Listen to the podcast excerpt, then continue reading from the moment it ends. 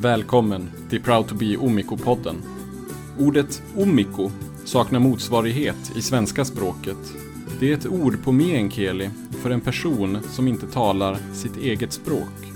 Ett ord för alla oss tornedalingar, kväner eller lantalaiset som tappat meänkielin, språket som våra föräldrar eller far och morföräldrar pratade. I den här podden intervjuar jag olika omiko och frågar hur det blev så här. Varför pratar vi inte meänkieli? Kan vi vara tornedalingar, kväner eller lantalaiset utan att tala språket? Och vad väntar för minoritetskulturen efter den stora försvenskningen av Norrbotten? Mitt namn är Daniel Fjällborg. Välkommen till Proud to be Omiko. Dagens Omiko är skidåkerska, VM-guldmedaljör, vinnare av Tour de Ski, vinnare av Jerringpriset och Sveriges främsta kvinnliga olympier genom alla tider. Hon är uppvuxen i Tärendö i Pajala kommun och har rötter på både svenska och finska sidan av gränsen. En tornedaling uppvuxen med meänkieli i hemmet, men som själv inte fått språket med sig. Välkommen Charlotte Kalla. Tack så mycket. Vad roligt att du ville, ville vara med i podden. Ja, men jag blev jätteglad och stolt över frågan när den damp ner i inboxen. Så det var en självklarhet att eh, få möjlighet att tänka till lite kring mina rötter. Det är något som ja, framförallt på senare år har eh, intresserat mig mer och mer. Ja, hur, hur ser dina, din bakgrund ut i meänkieli och, och finskan och så? Eh, ja, det har ju funnits med eh, i min uppväxt hela vägen. Dina föräldrar och, pratar meänkieli eller hur ser det ut? Ja, de har inte pratat så mycket meänkieli hemma. Men eh, när det har vankats eh, julafton och julklappar och födelsedagar och alltid när de har träffat andra som har talat meänkieli så är det ju det de har slagit över på. Men annars så har det varit svenska även när vi har varit hos farmor och farfar eller eh, hos min morfar. Medan min mormor, där eh, fick mamma agera tolk när vi var på besök eller hon var och hälsade på oss i Tärendö. Okej, okay, vad pratade hon? Eh, mormor hon, prat, alltså. hon pratade också med Angeli fast eh, hon kom från södra Finland ganska tidigt. Jag tror hon var 14 eller 16 år när hon kom till Käymijärvi till en släkting. Och det blev väl mer och mer eh, att hon sökte sig bort från riksfinskan. Ja. Hur, hur ser dina egna kunskaper i, i meänkieli ut idag? Eh, de är väldigt begränsade. Eh, vi hade ju hemspråksundervisning om det var från ettan till trean i eh, Tärendö. Eh, men det var inte så många som hade den rätta inställningen för att lära sig språket där och då. Eh, och sen försökte jag eh, ta upp finskan, men då riksfinska när jag gick gymnasium. Jag tror jag gick i tredje klass eller något sånt. Men ett år blev alldeles för kort tid samtidigt som jag inte bodde hemma i Tärendö och inte hörde det regelbundet. Ja. Hur, hur är det eh, mina föräldrar då, de pratar ju också meänkieli och, och då brukar min pappa säga att ja men Daniel han, han hänger med, han förstår vad vi pratar om men jag, jag vet inte tusan, jag hänger inte helt och hållet men jag förstår några substantiv då och då. Hur, hur är din förståelse när de andra pratar runt omkring dig? Ja men jag känner verkligen igen mig i din beskrivning att eh, många tror nog att jag förstår mer än vad jag gör och eh, det är just eh, lite ord som man kan snappa upp så men hela sammanhang och ytterligare att försöka prata, det finns inte på kartan. Nej, precis. Vad, vad betyder meänkieli för dig då när du hör det eh, runt omkring dig? Vad, vad väcker det för någonting? Det väcker ju mycket känslor. Det är ju en trygghet. Eh, det känns hemma. Eh, jag känner en stolthet över att tillhöra en minoritet. Eh, jag blir som glad och varm när man slår på eh, radion och det pratas med Angeli eller man kommer hem och får höra språket. Mm. Brukar du eh, lyssna in på Sveriges Radio med Angeli, olika program? Ja, men ibland så blir det så. Eh, jag vet eh, på VM i Oslo låg jag på massagebanken och så lyssnade vi på eh, Filmix en fredagkväll där på mästerskapet. Ja, det känns som att Filmix har blivit någon slags ikoniskt program verkligen. När man åker ja. på, på fredagen typ, till stugan eller så, så hör man det alltid på, eh, eller vi brukar lyssna då på radion. Och eh, då kommer man tillbaka till det här. Jag, förstår, jag hänger inte riktigt med vad de pratar om, men det känns ändå väldigt hemma. Ja, det gör ju det, verkligen. Men eh, det är väl framför allt när jag är på besök uppe som språket är mer närvarande och jag blir påmind om det. Jag hör det nu, för nu bor du i Sundsvall va? och eh, språket blir inte riktigt lika närvarande då kan jag tänka mig. Nej, det blir ju inte det. det eh, ja, jag känner ingen här i Sundsvall som pratar meänkieli. Eh, utan det är ju när man har besök eh, hemifrån eller framför allt när jag är uppe i Norrbotten. Mm. Hur upplever du att det är då att vara tornedaling utan att själv tala det här språket? Eh, ja, eh, jag kan ju uppleva mig själv som lite sökande. Men får jag klassa mig själv som tornedaling när en så stor del av kulturen och identiteten inte finns hos mig i form av språk och kunna uttrycka mig på meänkieli. Så det känns ju som att jag inte är på riktigt. Att mm. eh, jag försöker en wannabe på ett sätt. Ja. Och speciellt när jag inte bor, i, att jag har valt att flytta till Sundsvall, det förstärker ju det ännu mera. Hur mycket får jag vara stolt över mina rötter när jag vare sig har det som bostadsort eller bär med mig språket.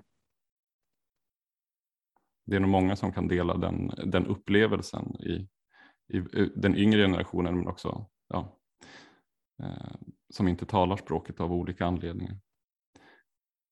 Men om du då försöker, du säger att du är lite sökande efter din, din tornedalska identitet. Vad, vad gör du för, om du vill känna dig som en tornedaling? Vad, vad gör du då, då? Har du några knep?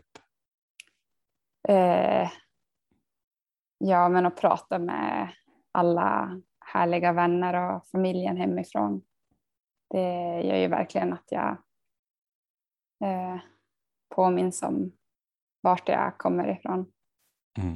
Eh, jag uppskattar eh, allt jag fått med mig hemifrån. Eh, att jag värdesätter tid ute i naturen.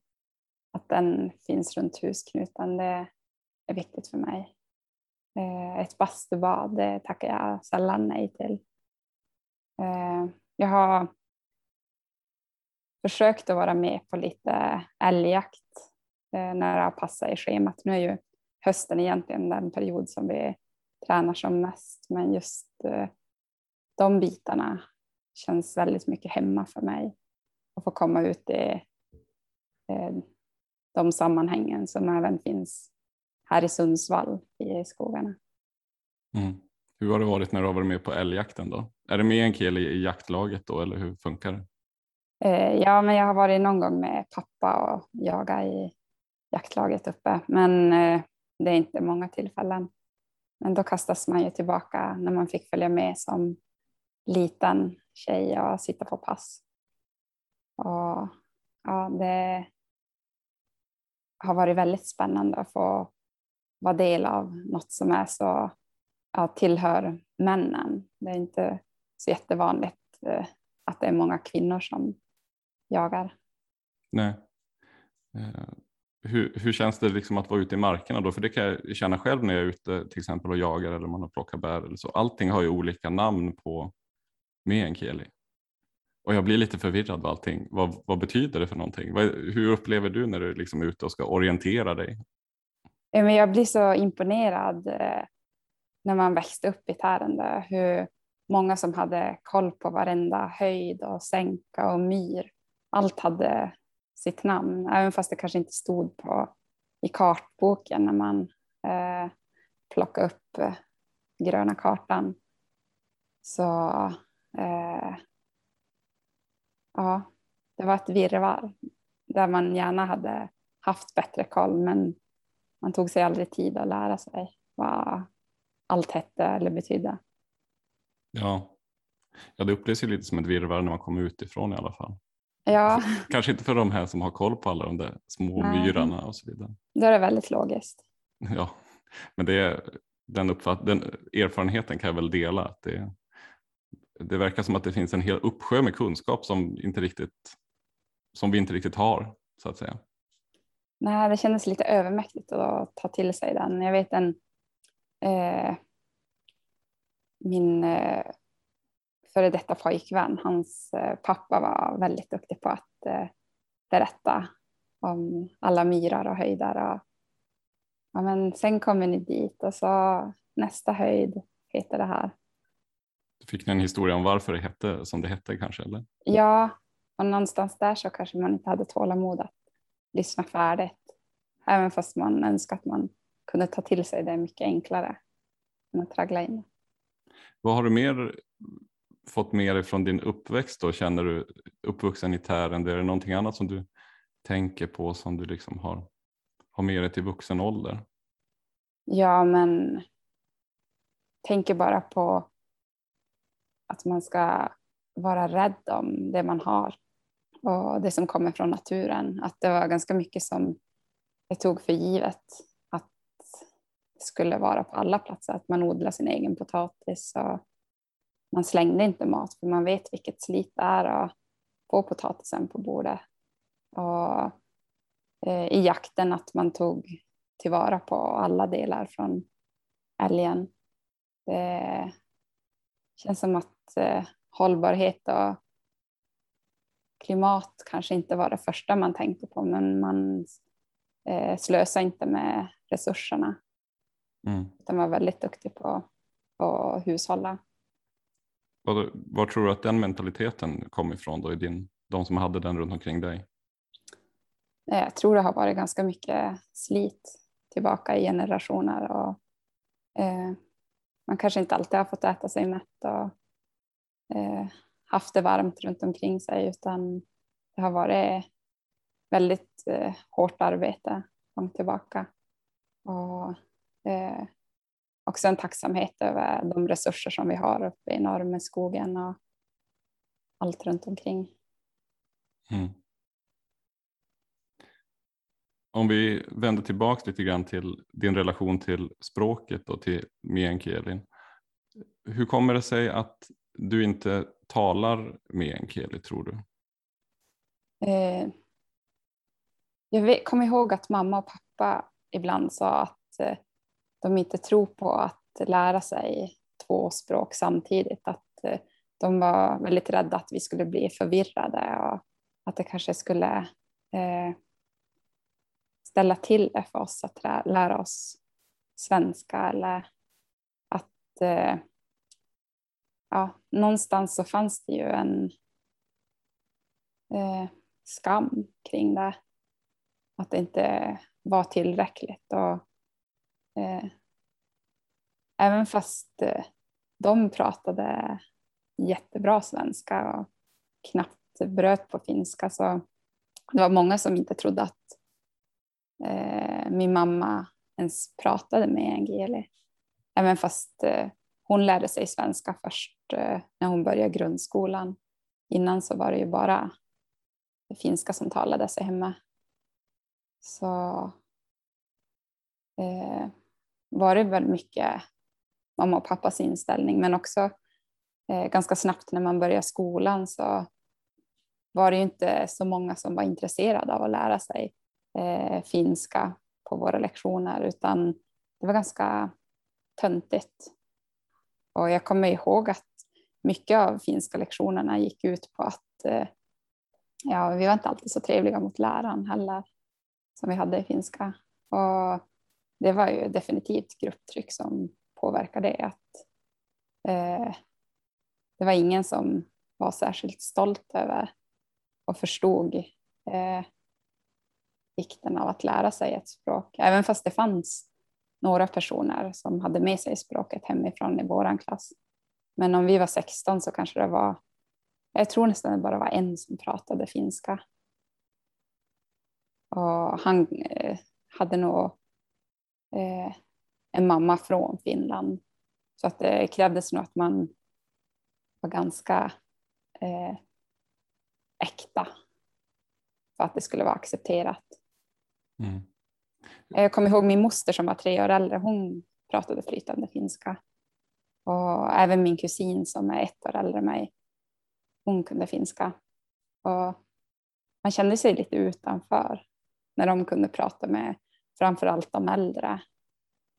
Farmor och farfar och min mormor på det språket. Mm. Vad var skillnaden då mellan dig och din moster om ni var ganska nära i ålder men hon, hon pratade språket eller finska eller meänkieli då men inte du. Vad, vad tror du gjorde att ni blev olika? Ehm, det var ju definitivt att hon, eh, hennes mamma pratade ju mest finska. Mm. Ehm, min mormor alltså, som jag fick använda mamma som tolk när vi skulle kunna ha samtal. Och min ett år äldre kusin, hon eh, var väldigt mycket hos min farmor och farfar som liten. Och, eh, jag tror, jag har inte frågat farmor och farfar, men jag tror ju att de pratar eh, svensk, eller finska med varandra. Men eh, när vi barnbarn var på besök, då var det ju eh, oftast att de försökte använda svenska. Hur påverkades dina relationer till den äldre generationen då, att du inte talade språket? Eh, ja, men jag kan tänka mig att eh, eh, Eh, de som hade språket med sig blev behandlade kanske lite med mer respekt, vuxnare. Eller jag upplevde ju så utifrån i alla fall att ja, men, jag var ett barn som man var tvungen att prata svenska med. Att eh, jag inte hade tillräckligt med kunskap. Medan det kändes som att de kunde ha en, ett mer moget samtal på finska. Det var ju som det man upplevde. Mm. Du, pratade, du nämnde lite grann om att det kanske låg någon slags skam i, i botten. Hur blir det synligt? Mm, ja, men jag tror att med mer kunskap och även människor runt omkring mig som har eh, uppmanat mig att fråga hur det var, fråga de äldre hur de hade under sin uppväxt så har det ju kommit fram att eh, min mamma hon var tvungen att stanna inne från rasten för att hon inte uttalade flygplan på rätt sätt. Och sånt kan ju verkligen sticka och sätta spår eh, när man är liten och vara annorlunda och inte tillräcklig i, ur svenska ögon sett. Så, och så ännu längre tillbaka så vet jag ofta hur min eh, skidtränare Sven Winsa sa att du måste fråga Bengt hur han har haft det, alltså min farfar, under sin uppväxt. Och de eh, fick ju stryk om de pratade eh, finska i skolan. Det var ju strängt förbjudet och ganska, ja, väldigt hårda eh, straff ifall man eh, bröt mot de reglerna. Mm. Har du pratat någonting med dina föräldrar, eller far och morföräldrar i vuxen ålder om, eh, om det här med att du inte kan språket? Ja, men det var ju ganska tidigt ändå som jag och mina eh, systrar frågade mamma och pappa, men varför har ni inte pratat finska med oss när vi var små? Vi hade ju kunnat få det här språket gratis och det är väl då de har sagt, ja men vi var så rädda att det skulle ställa till det för, för er, att eh, ni kanske inte skulle kunna finska fullt ut och inte heller svenska. Eh, att det var som den uppfattningen eh, som proklamerades ut när vi växte upp. Att eh, ja, de kommer bara göra oss en otjänst ifall de använder bägge språken. Men de har ju också eh, ganska tidigt eh, känt att men där kanske vi resonerar fel och eh, varit ångerfulla att eh, de inte eh, var mer envisa. Att, eh, ja, att de i efterhand hade de haft den kunskapen idag så hade de definitivt pratat med en kille med oss. Och ifall de hade vetat hur gärna vi hade velat ha det språket så hade det inte varit något snack om saken. Mm. Har de försökt att prata någonting mer mer då i vuxen ålder nu när, har, när de har ändrat uppfattning så att säga? Ja, nu har vi väl gjort lite försök, men det är ju som varit ganska svårt. att, eller kanske inte vuxen ålder heller, utan det kanske var när man gick på gymnasiet och så. Som när jag försökte ta upp finskan på eh, gymnasiet så eh, gjorde man väl något försök, men det blev ju som inte naturligt. Och jag bodde inte hemma längre då, utan jag bodde i Malmberget. Och, eh, alltså, kanske man skulle haft det lite mer i vardagen, att det hade gått. Men det hade nog känts ganska konstlat också att helt plötsligt byta språk. Mm. Du nämnde under din egen skolgång då, eh, grundskola och kanske även gymnasiet, hur, att det inte var så högt i kurs då att prata meänkieli eller finska. Hur, hur pratade ni om, om det språket sinsemellan, liksom du och dina jämnåriga?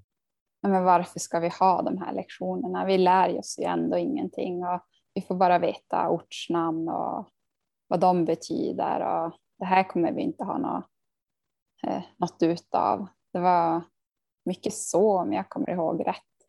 Mm. Att, eh, det kändes mer som att vi önskade att eh, vi skulle kunna fått med oss något som man kan använda praktiskt. Men timmarna eh, med, med NGD-undervisning var ju alldeles för få för att kunna genomföra något sånt inser man ju nu i efterhand. Mm. Ja, Men väl... sen också om man tänker så här om mina föräldrar har försökt att lära oss när vi har varit äldre. Så vi har ju som uppmanat och det har väl kommit, eller ganska ofta så har det ju varit så här, eh, ordspråk och eh, lite sägningar från bondelexikon och så. Min eh, morfar var ganska eh, ivrig på att spå väder och se tecken i naturen och så var det som ja, gamla, gamla sägningar så, som mamma kunde ta och översätta till oss. Har du några exempel kvar i minnet? Eh, oj. Eller något exempel på hur spår man väder, Charlotte Kalla? Nej, min morfar sa att det blev svårare med åren med klimatförändringarna. Så. Ja, ja. Men det var ju ja, olika dagar. Erki, nu kommer jag inte ihåg, men något om att om Erik kommer med pälsen så kommer sommaren bli si och så. Ja, det låter bekant. Det tycker ja. jag att jag har hört förr. Några sådana ja, här. jag skulle behöva friska upp minnet. Men det kunde ju som vara andra saker också. Så här, som att såla se bitte jala masa. Salt håller fötterna på jorden. Ja. Så. Det kan ju vara bra att ha med sig. Ja, jag gillar väldigt mycket salt idag och så mycket som jag svettas så tycker jag att eh, jag har rätt att salta maten. Ja, och jag tror att saltet också har en ganska central eh, plats i kokkonsten i Tornedalen. Va? Ja, men det känns det som. Det känns som att vi äter det mesta som är saltat och rökt i köttväg i alla fall. Ja, men verkligen. Själv fick jag lära mig att spå väder i gäddlever av min pappa. Som var, eh, han, han, tycker, han har också lite sån en känsla för att eh, man ska bevara de där gamla sägningarna och så vidare. Ja. Så då skulle vi kolla igenom gäddlevern och se hur sommaren skulle bli alltid om vi fiskade på vårvintern. Jag vet inte Gud, om det blev kul. rätt. Det, det, kanske inte riktigt blev det vädret som vi trodde att det skulle bli ändå. Men, men jag kommer i alla fall ihåg att vi har kollat på de där jäkla gäddlevrarna. Åh, underbart. Men vad tror du om, eh, om framtiden för, för språket och framtiden då i, i, i Tornedalen och Tärende? Har du tittat i spåkulan för det någonting? Nej, jag har väldigt dålig koll egentligen hur, hur många som av mina jämnåriga som har tagit tillbaka språket i vuxen ålder eh, eller om den yngre generationen får med sig eh, språket. Känns det som att det är en liknande mentalitet som när du gick i skolan eller har det förändrats någonting till idag? Ja, men det känns ju som att eh, Eh, okunskapen om att flera språk skulle göra det svårt för en att lära sig ett på riktigt. Att den eh, är borta nu. Eh, men också att eh, man är mer medveten om eh, hur snabbt det kan försvinna om inte yngre generationer bär med sig språket vidare. Eh, jag hoppas att det på ett sätt eh, den medvetenheten gör att eh, fler försöker att eh, lära sina barn meänkieli. Nu har ju jag väldigt svårt att göra det ifall jag skulle eh, få familj. Då har jag ett jobb att göra själv först. Mm. Det kanske kan vara en väg in också i språket, att behöva lära någon annan. Ja, precis. Jag vet inte riktigt hur min syster har resonerat med eh, deras eh, snart ett och ett halvt åring. Om han kommer att få lära sig både finska och svenska. Det kanske är han och jag som ska snacka tillsammans här nu kommande år. Ja, precis. Börja på samma nivå. Ja, exakt. Men det är kanske ett samtal du behöver ha då med din, sa du till din syster va? Ja, men verkligen. Det känner jag. Att och jag höra ska... hur de gör. Ja, precis. Han har ju som inte riktigt börjat prata än, men det är ju just i startgroparna. Ja, det finns ju en hel uppsjö också med barnböcker på meänkieli som antingen är skrivna direkt på meänkieli eller översatta från andra språk till meänkieli. Ja, precis. Det, det har varit eh, en det har breddat mitt ordförråd lite grann i alla fall genom att kunna läsa lite sådana barnböcker för min egen dotter. Ja, jag kanske får ta och köpa hem och så får vi köra lite Facetime regelbundet. Ja, det får du, får du tips i alla fall med dig. Hur känner du själv inför framtiden då när, med din egen framtid i relation till att vara tornedaling då och språket? Finns det någonting du vill göra eller hur vill du, hur vill du fortsätta den resan så att säga? Eh, ja, men fortsätta vara nyfiken. Både eh, bland mina jämnåriga, mina systrar och även passa på att ta chans och fråga hur den äldre generationen har haft det när de växte upp. och mer kunskap om var jag kommer ifrån. Det känns jätteviktigt för att eh, förstå mig själv också. Vars eh, mina beteenden har sitt ursprung och eh, ibland kan det ju vara lättare att acceptera för eh, vilka reaktioner och spontana eh, känslor som kommer och bubblar upp inom en. Att det har ju sin förklaring. Eh, och ofta så eh, har uppväxten mer att säga än vad man tror. Är det några särskilda känslor, känslor som du tänker på som du har erfarit? Ja, men jag har ju jättesvårt att slänga mat. Så, eh, så just nu när man pratar mycket om hållbarhet och klimat så undrar man ju vars eh, den lärdomen och eh, men, ja, var har det kommit ifrån? Men också eh, när vi hade seminariet och eh, firandet av eh, Svenska Tornedalingars riksförbund här i, i, juli så väckte ju det jättemycket tankar när man, jag fick höra andra som också slet med att vara omyko. Eh, och det var så mycket igenkänning eh, i just det här. Ja, men, är jag bara på låtsas eller har jag rätt att kalla mig tornedaling även fast jag vare sig bor hemma eller kan språket? Vad, det är ju så mycket mer än språk och bostadsort som sitter i ens identitet och kultur. Men det är ju jättesvårt också att sätta orden på vad som är typiskt Tornedal. Så jag tänkte som att ja, men nu kanske jag får mer svar på var min drivkraft har kommit ifrån. Och, eh, eh, det kanske inte är ett svar, men lite närmare en sanning kan man i alla fall kolla, komma genom att kolla lite i backspegeln. Ja, och just samtalet med andra, det kan jag också känna att det, eh, det hjälper. Man känner sig inte lika underlig. Nej, men sen är det jätteviktigt också för mig att få resa hem och besöka eh, vänner och familj och få vara i de sammanhangen. Då, känns det verkligen som att eh, jag känner trygghet och värme och samhörighet. Mm. Och så kanske du får åka på älgjakt igen och försöka plocka upp vad myrarna, nu, myrarna hette egentligen.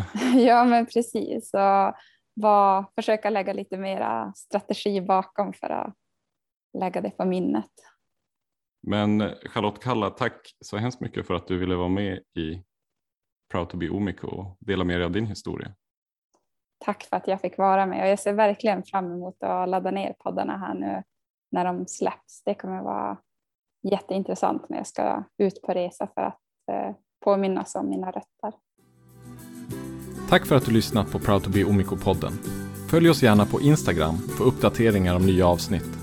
Eller besök vår hemsida www.omiko.se. Proud to be Omiko gjordes med stöd av Svenska Kväner Lantalaiset, en dotterförening till Svenska Tornedalingars riksförbund, Tornion Laxon Laiset.